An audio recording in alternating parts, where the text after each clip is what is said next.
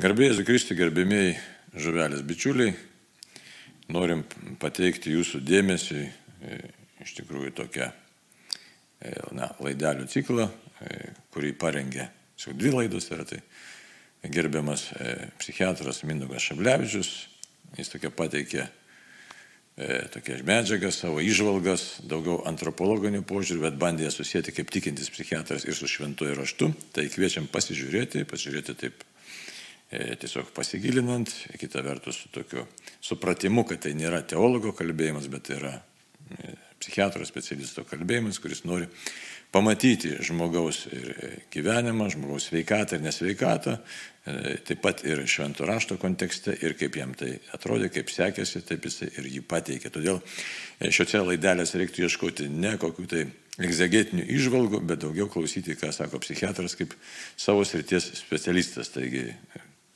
klausykimės ir žiūrėkime įdėmiai ir panaudokime tą jo pateiktą mums turinį savo gyvenime. Tai laimina viešpas. Garbė Jėzui Kristui, mėlyjeji žuvelės klausytojai, esu gydytojas psichiatras, pratesim temą apie žmogaus psichiką ir būtent šitoj laidoj norėsiu pakalbėti tokiais filosofiniais klausimais, kas mes esame, iš kur mes ateiname ir kur mes einame. Remdamasis gamtos mokslais ir taip pat šventuoju raštu.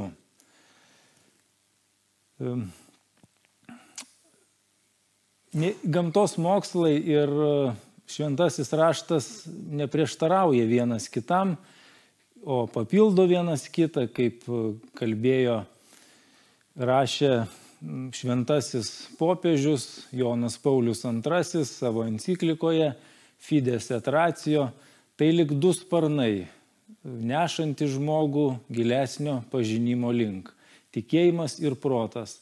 Taigi, kalbėdamas apie žmogų, kas tas žmogus, kalbėsiu kaip gydytojas psichiatras, kaip gamtos mokslo atstovas, bet taip pat remsiuosi ir duomenim, kurie yra e, randami šventajame rašte, daugiau galbūt naujajame testamente. Taigi, e, koks tas žmogaus supratimas? Taip jis tie klausimai pradėjo kilti žmonėm jau senai, jau prieš 2,5 tūkstančio metų maždaug senovės graikai e, dėstydami savo supratimą apie, apie, apie žmogų, apie kosmosą, e, teigia, kad e, pasaulis yra toksai dichotominis. Taip jie, jie e, teigia, kad yra, taip, paimsiu, kad geriau rašantį.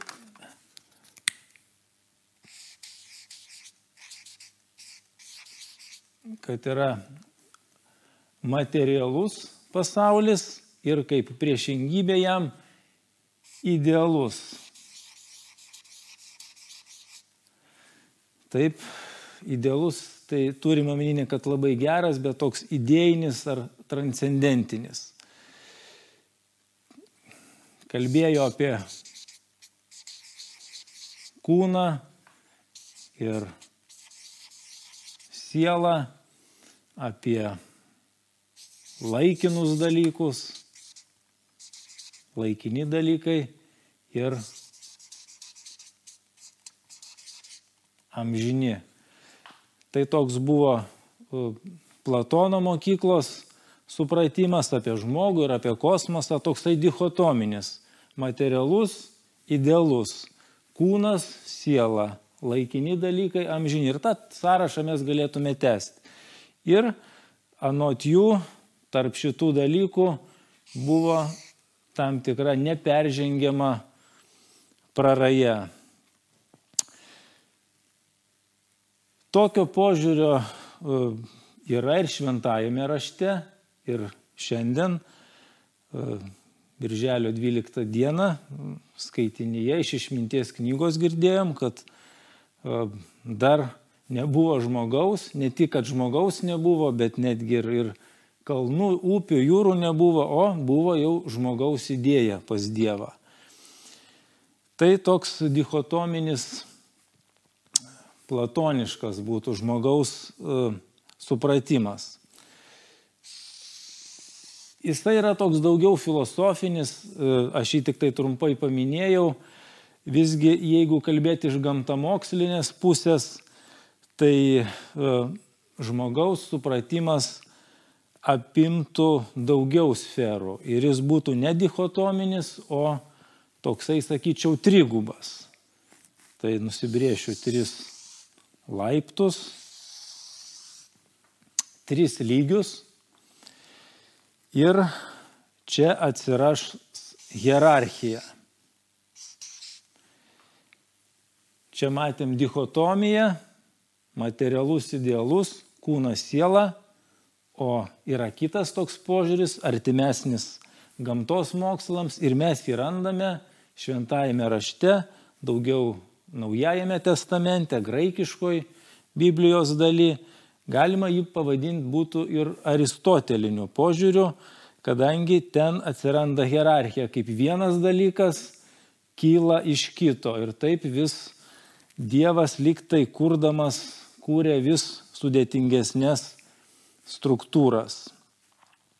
Ir e, Naujajame testamente naudojami trys terminai apibūdinti žmogaus sandarą, kas jis toks yra. Taip, tai būtų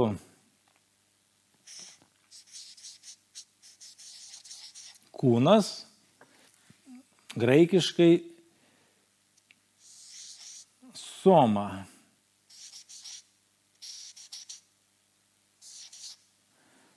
Taip, tai ir parašysiu dar ir lotinišką transkripciją. Kūnas. Soma. Taip pat Naujajame testamente kalbama, kad yra siela.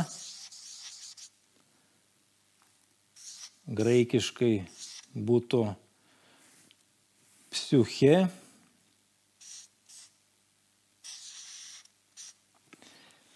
Taip, tai latiniškai taip rašytųsi ir dar aukštesnė substancija tai būtų dvasia. Arba graikiškai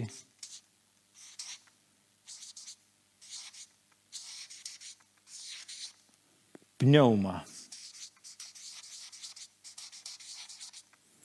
Tai va, tai naujajam testamente sutinkam tokius tris, tris terminus skirtus apibūdinti žmogų. Taip, čia vir, viršui būtų toks platoniškas žmogaus suvokimas, o šitas būtų toks būdingas labiau Aristotelio filosofijai, kurią paskui toliau plėtojo šventasis Tomas Akvinietis. Ir kas šitam žmogaus supratime svarbu, kad tarp, nėra taip, kad tarp šitų trijų kategorijų būtų kažkokia tai visiškai neperžengiama riba. Jie daugiau kyla vienas iš kito, taigi šitas, šitas supratimas jis yra hierarchinis. Na ir tada perbėgsiu per tuos tris, tris punktus, ką jie būtent reiškia. Taip, senasis, naujasis, e, senasis tai prieš 3 e, ir 4 tūkstančius metų rašytas, naujasis prieš porą tūkstančių metų. Žinoma, kad yra atsiradę tam tikrų patikslinimų. Tai bandysiu apjungti tai, kas parašyta Naujajam testamente ir tai, ką sako gamtos mokslai. Taip, tai pradėkime nuo tos, pagal tą hierarchinę sistemą, nuo tos žemiausios būtų grandies, nuo kūno, soma graikiškai. Taip, tai kas tas kūnas žmogaus? Tai yra iš kažkada tai neorganizuotos materijos, taip, tas, tai būtų tas Senajam testamente minimas žemės molis iš cheminių elementų, organizuotas į, į, tam tikrą, į tam tikrą sistemą kūnas. Taip jis sudarytas iš anglies, vandenilio, čia rašau naudodamas simbolius, periodinės elementų sistemos, deguonės ir azoto. Taip čia pagrindiniai būtų elementai, iš ko sudarytas žmogaus kūnas, bet jų yra ir daugiau. Ten, sakykime, yra ir kalcis, fosforas, siera, kalis, natris ir kai kurių elementų yra labai nedaug, bet jie labai svarbus, sakykime, jodas, kobaltas. Tai kažkada buvusi neorganizuota materija evoliucijos eigoj veikiant Dievo planui tampa organizuota materija, atsiranda žmogaus kūnas.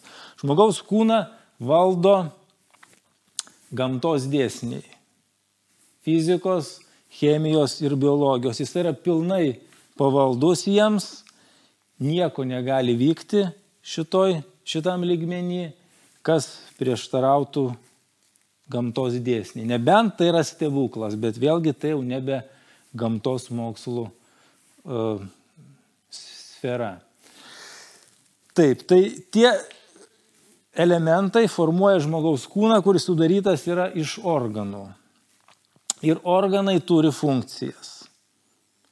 Siela, tai perinam į tą antrą lygmenį, taip čia yra tos kopiečios tokios Aristotelio aprašytos, tai e, iš kūno atsiranda psichė, siela, tai būtent iš smegenų veiklos. Taip tikrai tai ne iš širdies veiklos, širdis pompuoja kraują, plaučiai aprūpina tą kraują deguonimi, yra visai lė kitų organų, raumenys leidžia mums judėti, bet siela būtent sielos veikla atsiranda iš kūno. Ar gali būti siela be kūno, ar kūnas be sielos? Gamtamokslinių požiūrių negali būti. Taip, kūn, aišku, smegenys, tai, tai aš tikslinu tiksliau, nes esu gydytojas psichiatras, tai kalbu apie savo organų sistemą, kurią pats nagrinėju. Tai ar gali būti e, smegenys, kurios neveikia arba sakykime, emocijos arba mąstymas, kuris nepriklauso jokiam kūnui. Taip viskas yra apjungta į vieną. Lygų tam tikrų atvejų, taip smegenys gali būti išjungtos, bet tai yra komos būsena, tai yra lyga. Sveikos smegenys visą laiką turi tam tikras sielos funkcijas. Na, o ar siela gali būti be kūno, tai e, gamtos mokslai apie tai nekalba.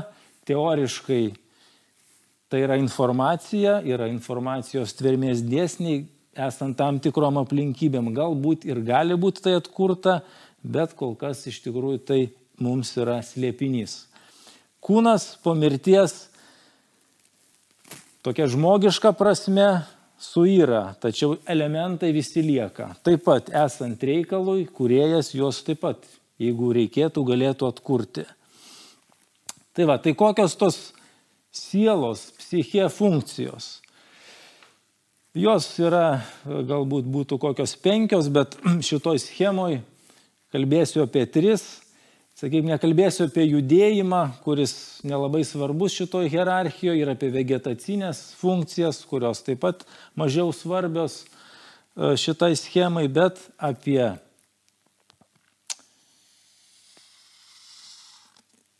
emocinę sferą, apie mąstymą ir apie pojūčius, jūslės, kurios formuoja tą Biblijoje vadinamą širdį, taip, kuri jau perina į dvasinę sferą. Šitie žodžiai dažnai kai naudojami kaip sinonimai, bet jeigu kalbėti tiksliai, visgi remiantis Naujojo testamento jie turi tam tikrą savo apibrėžimą. Taip, tai dabar tada siela taip pat dar gali irgi turėti savo hierarchiją. Galima skirti tokią žemiškąją arba animalinę sielą. Taip, tai yra tokios emocinių emocinės sferos, mąstymo ir suvokimo funkcijos, kurias turi ir gyvūnai. Taip, kas e, turi augintinių, tai žino, kad jie, pavyzdžiui, turi atminti. Ir jie žino, kur padėti yra, mm, sakykime, buketai skanėstai arba žaislai, su kuriais jie žaidžia e, laukia. Šeimininkas meta ir šuo gaudo. Tai šuo prisimena, kur, kur yra toks tas žaislas padėtas. Yra mąstymo tam tikros funkcijos irgi pas gyvūnus, taip gal tokių esat matę paveiksliukų, kur beždžionė susideda dėžutės ir, ir bando nuimti bananą kabantį palubėjai, jos kūrė tam tikrą modelį, masto ir suvokimas, taip tie tokie E, paprasti pojūčiai, kurie padeda jiems orientuotis, e, ar tai šalta, ar karšta, ar, ar tai garsas pavojingas, ar jisai jiems kažką tai gero žadantis. Tai jos sudėtingėja šitos funkcijos ir atsiranda jau e, tokia aukštesnioji, labiau organizuota e, siela, kuri jau būdinga tik tai žmogui. Sakykime, jau e, sudėtingesnės emocijos, taip, kurios e, e, padeda mums komunikuoti, palaikyti ryšį su kitais žmonėm, abstraktusis mąstymas, kaip laiko suvokimas, sakykime, taip, kas yra laikas, laiko, laiko o, jūtimo organų nėra, laiką suvokia protas ir, ir taip pat ir suvokimo, tokie, reiškia, aukštesnis suvokimas, aukštesnės jūslios, ta groži, jos gali žvelgti taip, kaip išminties knygoje parašyta, kad iš, iš kūrinijos grožio ir sudėtingumo mes galime išvelgti tą ir kurėją. Tai e, būtų tokia, reiškia, aukštesnioji siela, E, arba dar kitaip vadinama dvasinė, e, dvasinė siela, kuri būdinga jau, jau žmogui. Vėlgi vis kars nuo karto priminsiu, kalbam apie hierarchinį. Hierarchinį tokį iš nuo paprastesnių link sudėtingesnių dalykų. Taip, bet jeigu paimti seną ir naują testamentą, koks tarp jų santykis - dichotominis ar hierarchinis, tai mano supratimu, daugiau hierarchinis. Tai nėra, kad tarp Senojo ir Naujojo testamento nėra nieko bendro, jos skiria kažkokia ne, neperžengiama riba. E, daugiau, sakyčiau, tai yra Senasis testamentas įžanga, o Naujasis testamentas tiesinys, nors tikrai atsiranda tokių dalykų, kurių nėra Senajam testamente, bet visgi tai tokia kylanti, kylantis tarp jų ryšys nuo tokių paprastesnių dalykų link sudėtingesnių ir, ir labiau organizuotų.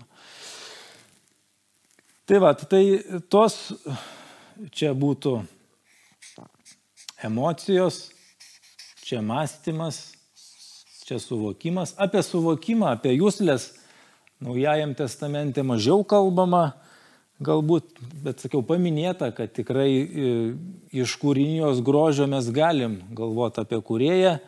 Na, kodėl taip yra, kalbėjo apie tai žymus lietuvių filosofas Šliogeris, jis sako, kad žmonės, kurie rašė Naują testamentą, galbūt gyveno tokioj saliginai skurdesniai gamtiniai aplinkoje, tai yra dikumose, bet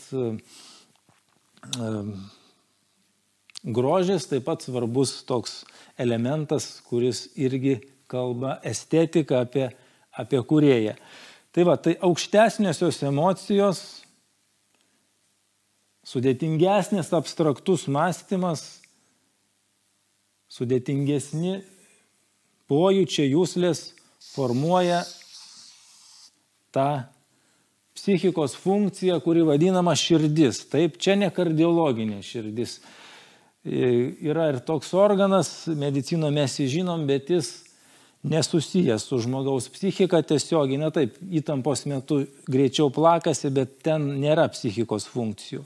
O biblinė ta tokia širdis, taip tai kalba apie tos aukščiausius žmogaus jausmus, apie tą tokį aukščiausio lygio mąstymą ir to kurėjo suvokimą. Ir čia jau įžengiam į tą dar aukštesnį lygmenį, į tą dvasinį lygmenį. Pneumą. Taip, kuri irgi galima, čia kalbam apie žmogišką širdį, taip, apie, apie žmogiškąją dvasę. Naujajam testamente šitas terminas pneuma naudojamas dviem prasmėm. Tiek žmogiškai dvasiai, taip, kur sakoma, kad e, laikykite, pavyzdžiui, dvasę nepeiktiną arba Dievo malonė tebūnė būna su jūsų dvasia ir lotiniškose mišiose, kada kunigas sako e, viešpat su jumis, tai lotiniškai tikintieji atsako et cum spiritus tuo, reiškia ir su tavo dvasia, lotiniškai būtų spiritus, graikiškai pneuma, tai yra žemiškoji ta širdis ir tas pats terminas naudojamas šventai dvasiai, trejybės asmeniui, bet žodis taip pat pneuma. Čia jau aišku eina kalba ne apie žmogų. Tai va, tai būtų toks pneumosferos, to, tokia dalis žmogiškojo, žmogiškojo pneuma būdinga tik tai žmogui. Tas toks labai sudėtingas abstraktusis mąstymas, laiko numatymas, savęs e, laiko matymas, savęs suvokimas, empatija, taip, tai yra jausmas, kad kitas žmogus gali jaustis atitinkamai dėl mano elgesio, taip, ko neturi. Gyvūnai turi ir, ir emocijas pykčio, artumo jausmo, bet jie ne, neturi empatijos, jie negali suprasti, kad dėl jų elgesio kitas individas gali patirti tam tikrą diskomfortą. Taip, čia ta, tam taške aukščiausiam iš tikrųjų tai viskas susijungia į vieną tašką ir emocijos, ir mąstymas, ir suvokimas į tokį lygį, kuris būdingas tik žmogui ir tai yra būtent tai jau um, žmogiškoji pneuma,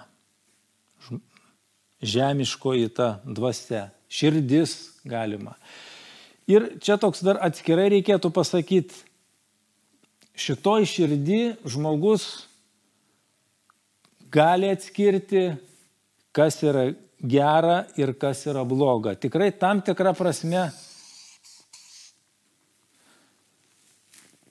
pa, į, į, įvertinti tam tikrą dichotomiją. Iš tikrųjų, dvasiniam tam pasaulyje yra ta, ta dichotomija. Geris ir blogis su neperskirima riba. Tai toj širdyje žmogaus protas sugeba atskirti gėrį nuo blogio ir atsiranda valia. Valia,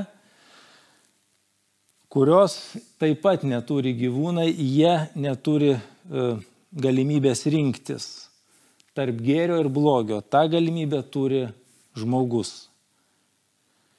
Ir tokio valios centro iš tikrųjų mes ir nelabai galim ir išskirti psichiatrai, bent šiai dienai. Žinom, kur yra emocijų centrai, kur yra mąstymo centrai, kur yra suvokimo centrai, kur yra judėjimo centrai, kur yra vegetaciniai centrai, valios centro nėra. Ir kyla klausimas iš tikrųjų tada, tai kas ta valia yra? Tai yra tam tikra prasme slėpinys ir ir gamtos mokslininkams, nes tokio valios centro nėra smegenyse, tačiau nuo jo tikrai daug kas labai priklauso. Tie valingi žmogaus pasirinkimai, tai yra ta, ta agapės vadinama meilė, kada žmogus daro valingus aktus dėl savo artimo. Ir nors čia aš paaiškiau, kad iš neorganizuotos materijos, čia linijos nėra, čia yra tam tikras pirmykštis chaosas, atsiranda organizuota materija, kūnas, iš kūno, iš smegenų atsiranda sielos funkcijos ir aukščiausiam sielos lygmenį atsiranda galimybė veikti valiai. Ar jin kilusi iš žmogaus smegenų, galbūt būtų atskira tema ir čia galbūt galėtų pakalbėti apie tai ir dvasininkai. Tačiau gal galime ir teikti, kad žmogaus valia, esanti žmogaus širdyje, nekyla iš žmogaus smegenų, bet veikia per jas. Taip Biblijoje randam tokį terminą, kad kas kelsis paskutinio teismo dieną ir dangiškai karalystiai, tai ne iš kūno ir kraujo. Kad valia būtent, nors jinai veikia per žmogaus smegenis, o tada smegenis valdydamos visą kūną, jį pajungia tam tikrai veiklai, valia būtų tos tokios dvasinės kilmės. Taip, jeigu pabandyt kažkaip tai palyginti, galbūt Įsivaizduokim, kad yra radio imtuvas, kuris transliuoja tam tikrą programą. Taip, tai e, tas radio imtuvas tai būtų mūsų kūnas ir siela, o ta programa, kuri vei, transliuojama per imtuvą, bet visgi jinai ne iš jo kyla. Tai būtų ta, ta valia, ne tokios negam, negamtinės kilmės, bet bet veikianti per gamtinę substanciją. Taip, tai, nu, va, ir tas pats žodis dar pneuma naudojamas ir šventai dvasiai. Taip, čia jau abejonių nėra, kad šventoji dvasia tai tikrai ne iš žmogaus kyla, taip, čia jau nėra ką aiškinti, tai yra, tai yra dieviškos kilmės, bet jinai veikia, taip, veikia į žmogaus širdį, galbūt ir veikia ir į, ir į sielą. Taip čia slėpiningi dalykai, tačiau sėkminių periodų skaitome apie šventosios dvasios dovanos, dovanas išminties, sakykime, kantrybės ir, ir, ir kitokias dovanas, kurios kaip ir sakoma, kad tai ne žmogaus nuopelnas, ne žmogaus smegenys sukuria šitas savybės, bet žmogus gauna jas. Bet kad jisai gautų, jo širdis turi būti atvira tam dieviškosios, šventosios dvasios pneumos veikimui. Taigi dar taip apibendrinant, kalbu, sakau, kaip gamtos mokslo atstovas, gydytojas psichiatras, nematantis jokių prieštaravimų tarp mokslo ir tarp tikėjimo.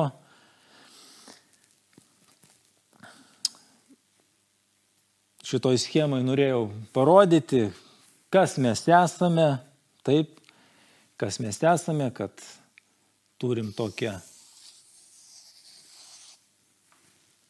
tokia triguba prigimti, ateiname iš tokios neorganizuotos, chaotiškos, kaip pradžios knygoje parašyta materijos. Tačiau atsiranda organizuotas kūnas iš tam tikrų elementų.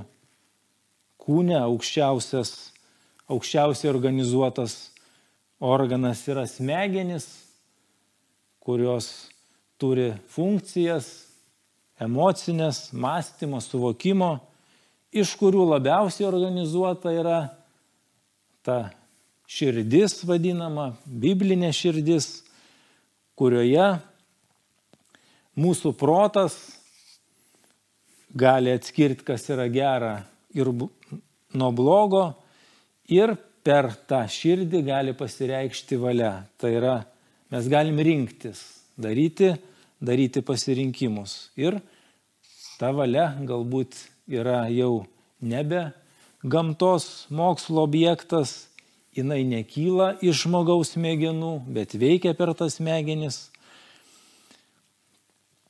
Tokie, tokie lygmenys, taip, hierarchiniai.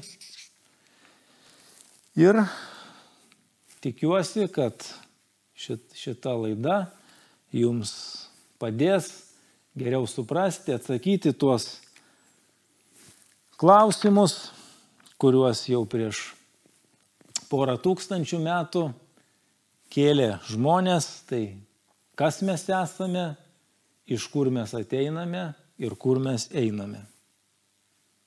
Dėkoju uždėmesi. Su Dievu.